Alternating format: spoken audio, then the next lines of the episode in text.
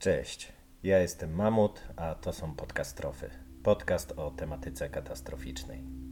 Odcinek 11. Powódź w Holandii 1953 roku.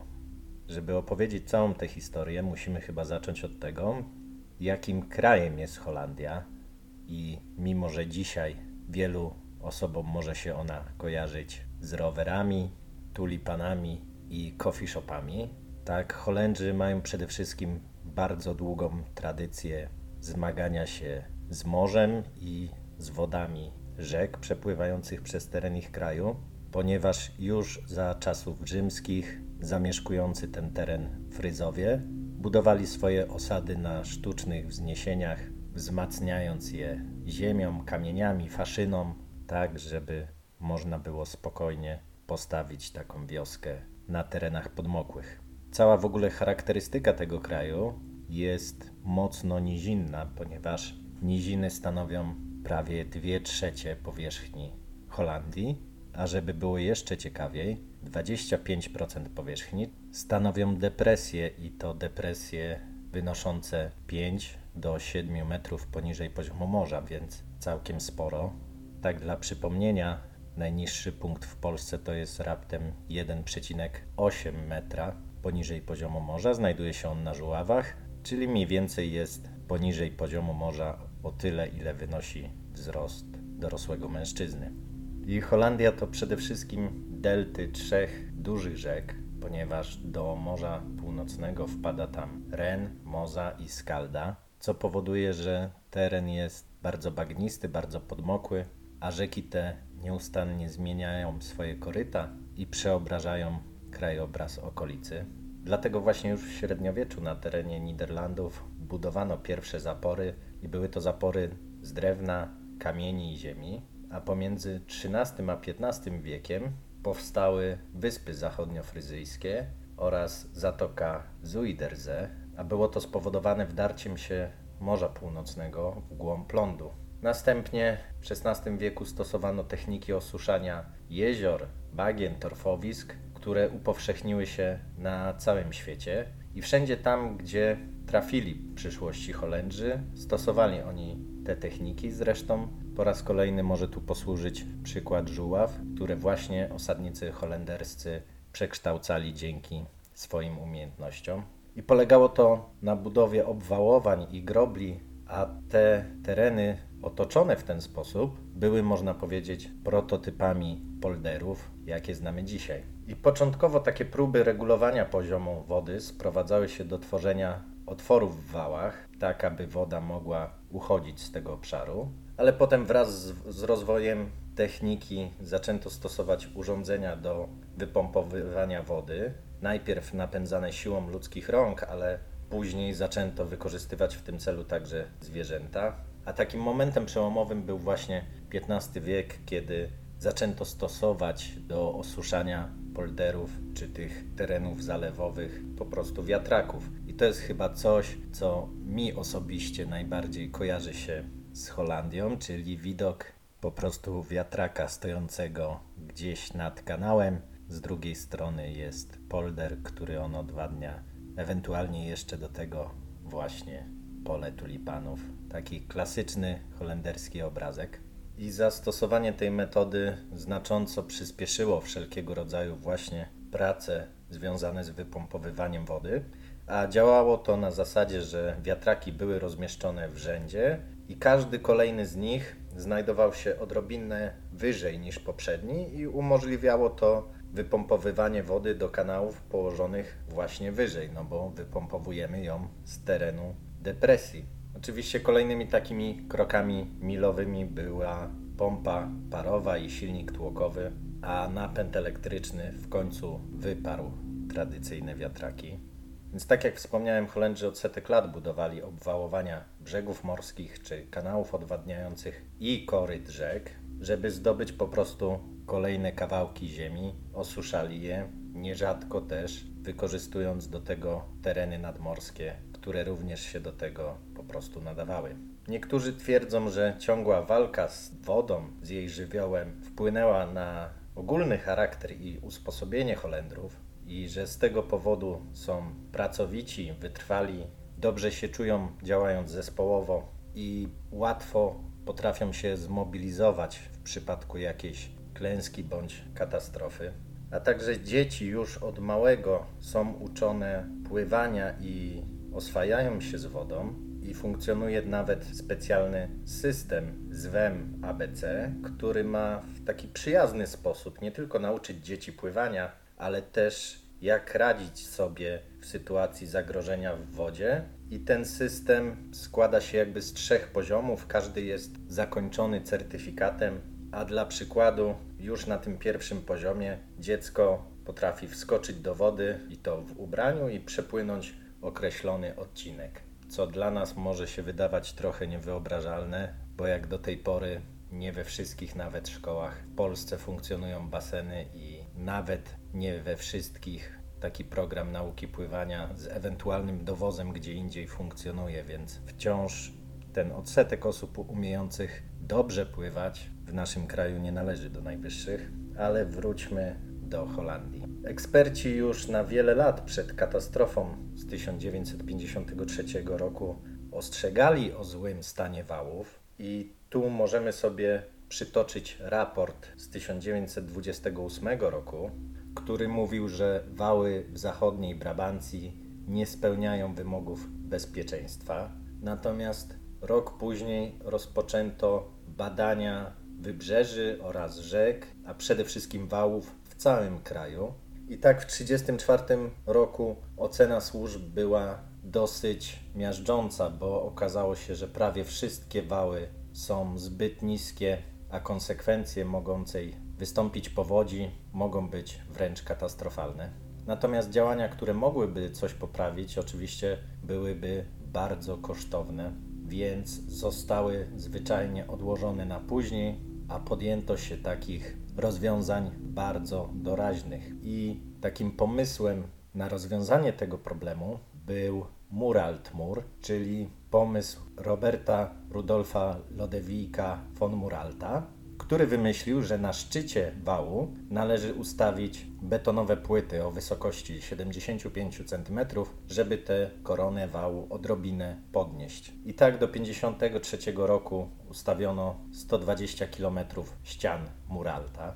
Oczywiście było to za mało i wciąż za nisko. Potrzebne były zdecydowanie bardziej kompleksowe rozwiązania. I taki pomysł zresztą powstał, bo w 1938 roku Johann van Ven, który badał stan zabezpieczeń przed powodzią, opracował projekty nowatorskich rozwiązań, które lata później zostały wykorzystane do opracowania planu Delta, czyli zabezpieczenia Holandii przed gwałtownymi powodziami, ale o tym opowiemy sobie trochę później. Natomiast wiele planów pokrzyżowała oczywiście II wojna światowa i zabrakło zwyczajnie środków na realizację ich w krótkim czasie, ponieważ no po pierwsze sama wojna, po drugie zniszczenia wojenne, które też pochłonęły olbrzymie środki finansowe celu odbudowy zniszczeń, które przecież dotknęły nie tylko domów, ale też instalacji melioracyjnych, ponieważ zdarzało się tak, że wycofujące się wojska niemieckie uszkadzały je celowo, żeby opóźnić natarcie aliantów. Oczywiście zawsze tak jest, że kiedy odkładamy sobie jeden problem i jego rozwiązanie na później, jeżeli będziemy czekać zbyt długo, to pojawią się kolejne i tak było również tym razem, bo ze względu na pogłębione drogi wodne w pobliżu wybrzeża, woda morska zaczęła przedostawać się w głąb lądu, a dzięki temu mogła się również przesączać do wód gruntowych, co oczywiście zwiększało ich zasolenie. I utrudniało to, a w niektórych miejscach nawet uniemożliwiało uprawę jakichkolwiek roślin, więc środki, które można by było przeznaczyć na zabezpieczenie przed jakąś gwałtowną powodzią, bądź też na konserwację istniejących już rozwiązań, musiały zostać przeznaczone po prostu na odsalanie gleby, na odnawianie starych zabezpieczeń znów zeszło na dalszy plan. W takim razie, jak w ogóle doszło do tej katastrofalnej powodzi? Od 30 stycznia nad Atlantykiem zaczął rozwijać się niż atmosferyczny, który przesuwał się początkowo na wschód kierunku Szkocji, a dalej w kierunku południowo-wschodnim, by następnego dnia, 31 stycznia, dotrzeć w okolice Danii, oraz wybrzeża Niemiec, a także zahaczając swoim zasięgiem o wybrzeże Holandii. I tak w nocy 31 stycznia sztorm spowodowany tym niżem osiągnął 11 stopni w skali Beauforta, a prędkość wiatru wynosiła ponad 100 km na godzinę. I tu zaczęły nakładać się na siebie kolejne przyczyny, bo o ile jeszcze może sam sztorm nie byłby tak wielkim zagrożeniem, natomiast w tym przypadku doszły do niego jeszcze dodatkowe czynniki, które spowodowały, że ta ilość wody, która uderzyła w Holandię, była zdecydowanie większa. Po pierwsze, był to przypływ i nie był to zwykły przypływ, tylko najsilniejszy przypływ w roku, który specjaliści nazywają pływem syzygijnym, a występuje on wtedy, gdy Słońce i Księżyc ustawią się z Ziemią w linii prostej. I taki układ ciał niebieskich zdarza się raz na kilkadziesiąt lat i wzmacnia on wysokość fali pływowej. Ale nie tylko to, ponieważ w Alpach już od jakiegoś czasu topniał śnieg, a w Niemczech i w Ardenach obficie padały deszcze, powodując wyjątkowo wysoki stan wód na Renie i Mozie. I ta fala powodziowa na tych rzekach właśnie docierała do Holandii pod koniec stycznia 1953 roku, ponieważ tam właśnie te rzeki wpadają do Morza Północnego. Więc jakby mamy tu po raz kolejny kilka takich praprzyczyn albo jak to często się mówi w raportach komisji badających różnego rodzaju zdarzenia, przyczyn pierwotnych, czyli sztorm, wyjątkowo wysoki przypływ, duże ilości wody spływające rzekami, a do tego dość słaby stan, żeby nie użyć słowa fatalny, infrastruktury przeciwpowodziowej. I kiedy te wszystkie zdarzenia nałożyły się na siebie, o świcie 1 lutego woda przerwała wały przeciwpowodziowe. Najpierw w miejscowościach Kruiningen, Kortgene i Oudetonge, wdzierając się do nich, a poziom morza, żebyśmy sobie mogli to jakoś zobrazować, osiągnął wtedy rekordową wysokość 4,55 metra ponad tak zwane zero amsterdamskie. Zero amsterdamskie jest poziomem, od którego przyjęliśmy liczyć poziom morza właściwie w całej Europie, a nawet i na większości globu. I to właśnie od niego mierzone są wszystkie depresje czy wyniesienia na wszelkiego rodzaju mapach, więc jeżeli nasza depresja na Żuławach ma 1,8 metra poniżej poziomu morza, to właśnie jest to 1,8 metra poniżej zera amsterdamskiego. Skutkiem tak dużego naporu wody i tej rekordowej wysokości przypływu, groble zostały uszkodzone w 89 miejscach, natomiast łączna długość wyrw, które w nich powstały, została już później policzona na 187 km. I oczywiście przez te wyrwy woda mogła już spokojnie dostawać się na tereny, które po pierwsze są bardzo często poniżej poziomu morza, są bardzo płaskie i właściwie nic poza domami i zabudowaniami nie jest już w stanie stanąć jej na przeszkodzie. Niestety ludność zamieszkująca ten obszar nie została poinformowana o zaistniałym zagrożeniu, ponieważ system ostrzegania daleki był od doskonałości. Należy też pamiętać, że mamy pierwszą połowę lat 50. Nie istnieją alerty RCB, wciąż nie ma internetu, telefonów komórkowych ani tego typu rozwiązań, więc jedyne co pozostaje to megafony umieszczone na ulicach i służby, które ewentualnie mogą przejeżdżając przez miejscowość rozgłaszać takie informacje. No ale tego zabrakło. Wielu ludzi po prostu ze snu obudziła woda. Więc uciekali na wszelkie możliwe sposoby, jak to się tylko dało, a jeżeli nie było to już możliwe, to wchodzili na strychy lub dachy po prostu swoich domów i tam czekali na pomoc. A należy pamiętać, że mamy pierwszy dzień lutego, więc czekanie na odsłoniętym dachu wcale nie należy do najbezpieczniejszych. Spora część mieszkańców miała własne łodzie, więc starali się ewakuować siebie, jak i swoich sąsiadów. I właściwie w pierwszych godzinach tej katastrofy była to jedyna pomoc, na jaką można było liczyć. A była to dopiero pierwsza fala, ponieważ około południa na teren, który był zalany, wdarła się druga fala, która pogorszyła i tak krytyczną już sytuację, a po przejściu pierwszej fali właściwie nic nie stało jej na przeszkodzie więc woda wdarła się w głąb lądu na odległość 75 km. jest to więcej niż wynosi odległość w Polsce z nadmorza do Kwidzyna lub też z Katowic do Krakowa.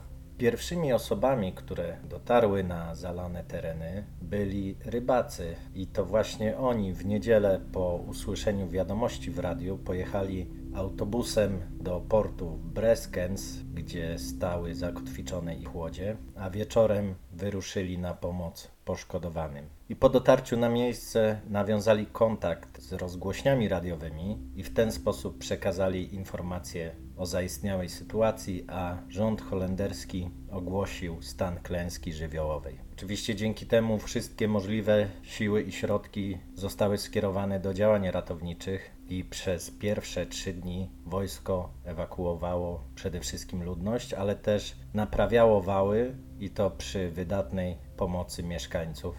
Prowadzono też ewakuację zwierząt, bądź też dostarczano pasze tym, których nie było potrzeby ewakuować, ale zostały one odcięte w gospodarstwach otoczonych wodą. Tego samego dnia zostały utworzone specjalne punkty medyczne, gdzie była udzielana niezbędna pierwsza pomoc, ale też punkty techniczne, gdzie na poczekaniu naprawiano środki transportu i wszystkie te maszyny, które mogły się przydać w ewakuacji czy też zabezpieczeniu tych wyrw w tamach. Natomiast o godzinie 17 sprzymierzone siły powietrzne Europy Środkowej zostały poproszone o wysłanie na ten teren 20 śmigłowców i w ten sposób już następnego dnia na zalanych obszarach pojawiły się maszyny belgijskie, angielskie, a dzień później również amerykańskie, które zostały wykorzystane do ewakuacji ocalonych i w ten sposób w ciągu tylko dwóch dni udało się podjąć 2030 osób, najczęściej z dachów właśnie swoich zabudowań.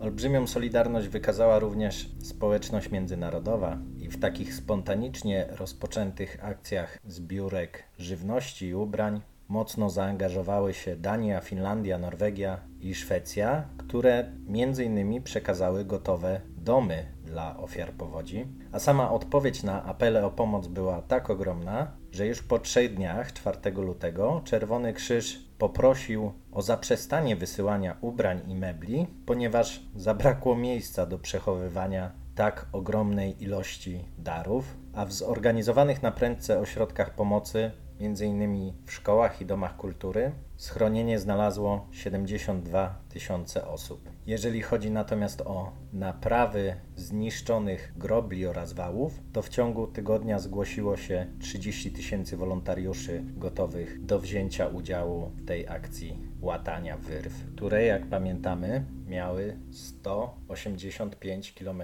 długości.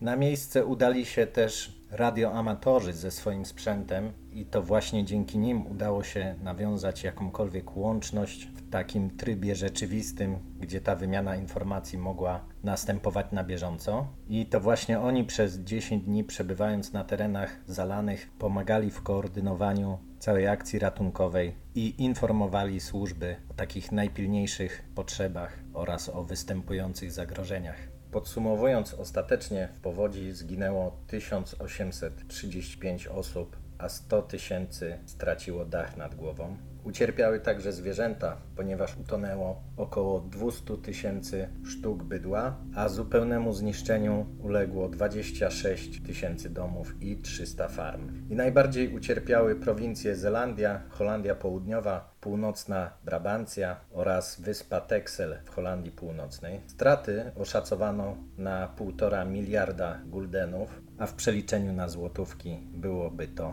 około 3 miliardów złotych. Ale nie tylko Holandia ucierpiała podczas tego katastrofalnego sztormu, chociaż oczywiście to na niej skupiło się to główne uderzenie skumulowane wysokim stanem rzek, no i jej położeniem, ale też choćby w Wielkiej Brytanii zniszczeniu uległo 1600 km linii brzegowej i wałów nadmorskich, a woda zalała 1000 km kwadratowych lądu. Musiano także ewakuować ponad 30 tysięcy osób, a zginęło bądź też zostało uznanych za zaginionych 307 osób. Również w Belgii doszło do podtopień i zalanych zostało 4400 hektarów ziemi oraz życie straciło 25 osób. Holendrzy jednak potrafią wyciągać wnioski z takich wydarzeń. Już 21 lutego 1953 roku, czyli w 20 dni po katastrofie, powołano komisję Delty. I zadaniem tej komisji było zbadanie przyczyn i skutków katastrofy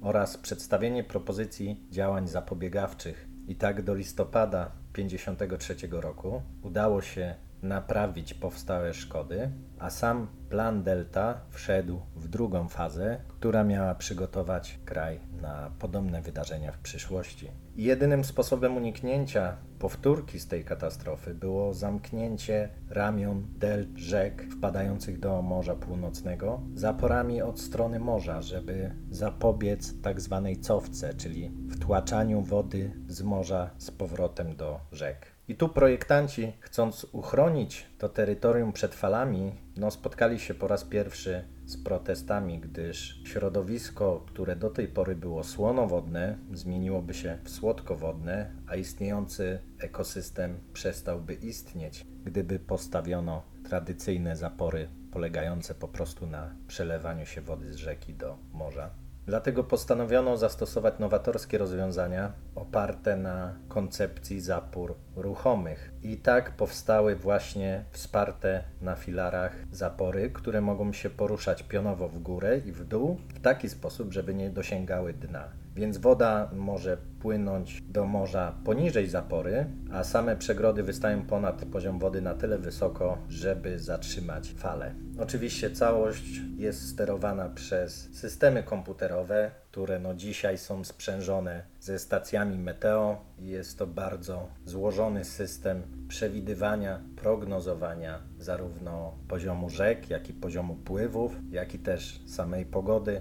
I tak w razie potrzeby przegrody są unoszone lub opuszczane za pomocą silników. I tak dla przykładu w 2002 roku były one zamykane aż 21 razy. I tak projekt Delta jest właśnie takim przykładem, gdzie udało się wypracować kompromis pomiędzy wszystkimi stronami, jakimi są mieszkańcy, rolnicy, ekolodzy, rybacy czy przemysłowcy, ponieważ zapory nie przeszkadzają w ruchu statków płynących do Rotterdamu, a udało się również zachować w większości naturalne środowisko dla występujących tam gatunków zwierząt. Natomiast drogi, które zostały poprowadzone po nowo pobudowanych tamach, poprawiły zdecydowanie komunikację między Zelandią i Holandią Południową. Tym sposobem właściwie ostatnią luką w zabezpieczeniach został już tylko Rotterdam, i dlatego w 1991 roku rozpoczęto budowę obrotowych wrót pozwalających na zamknięcie kanału prowadzącego do Europortu. Sześć lat później inwestycja ta została ukończona, a jej koszt budowy to ponad 3 miliardy dolarów. Dzięki całemu temu systemowi można chyba śmiało powiedzieć, że na dzień dzisiejszy Holandia jest najlepiej zabezpieczonym krajem na wypadek katastrofalnej powodzi czy też bardzo mocnego sztormu na Morzu Północnym. Oczywiście wynika to z gorzkiej nauczki, jaką Holendrzy dostali na przełomie stycznia i lutego 1953 roku, ale wyszli z tego chyba tylko jeszcze bardziej wzmocnieni, potrafili wyciągnąć słuszne wnioski i zdecydowali się działać, a nie czekać, aż ktoś zrobi cokolwiek za nich. I świadczy o tym fakt, że co roku każdy Holender płaci specjalny podatek wodny, który wynosi 450 euro, i to właśnie z niego finansowane są wszelkie inwestycje czy też remonty tej infrastruktury melioracyjnej, która ma wpływ tak naprawdę na bezpieczeństwo większości kraju. I myślę, że warto tu na koniec przytoczyć pewne holenderskie przysłowie, według którego jakkolwiek świat stworzył Pan Bóg, to jednak Holandię stworzyli Holendrzy. Oczywiście na sam koniec chciałbym zaprosić Was na stronę Podcastrow na Facebooku, gdzie jak zwykle znajdziecie zdjęcia odnoszące się do historii, o których opowiadam. Możecie też wziąć pod rozwagę możliwość wsparcia podcastrow na patronite.pl, gdzie mój profil nosi nazwę Mamut Podcasty. To tyle, jeśli chodzi o tę katastrofę. Do usłyszenia.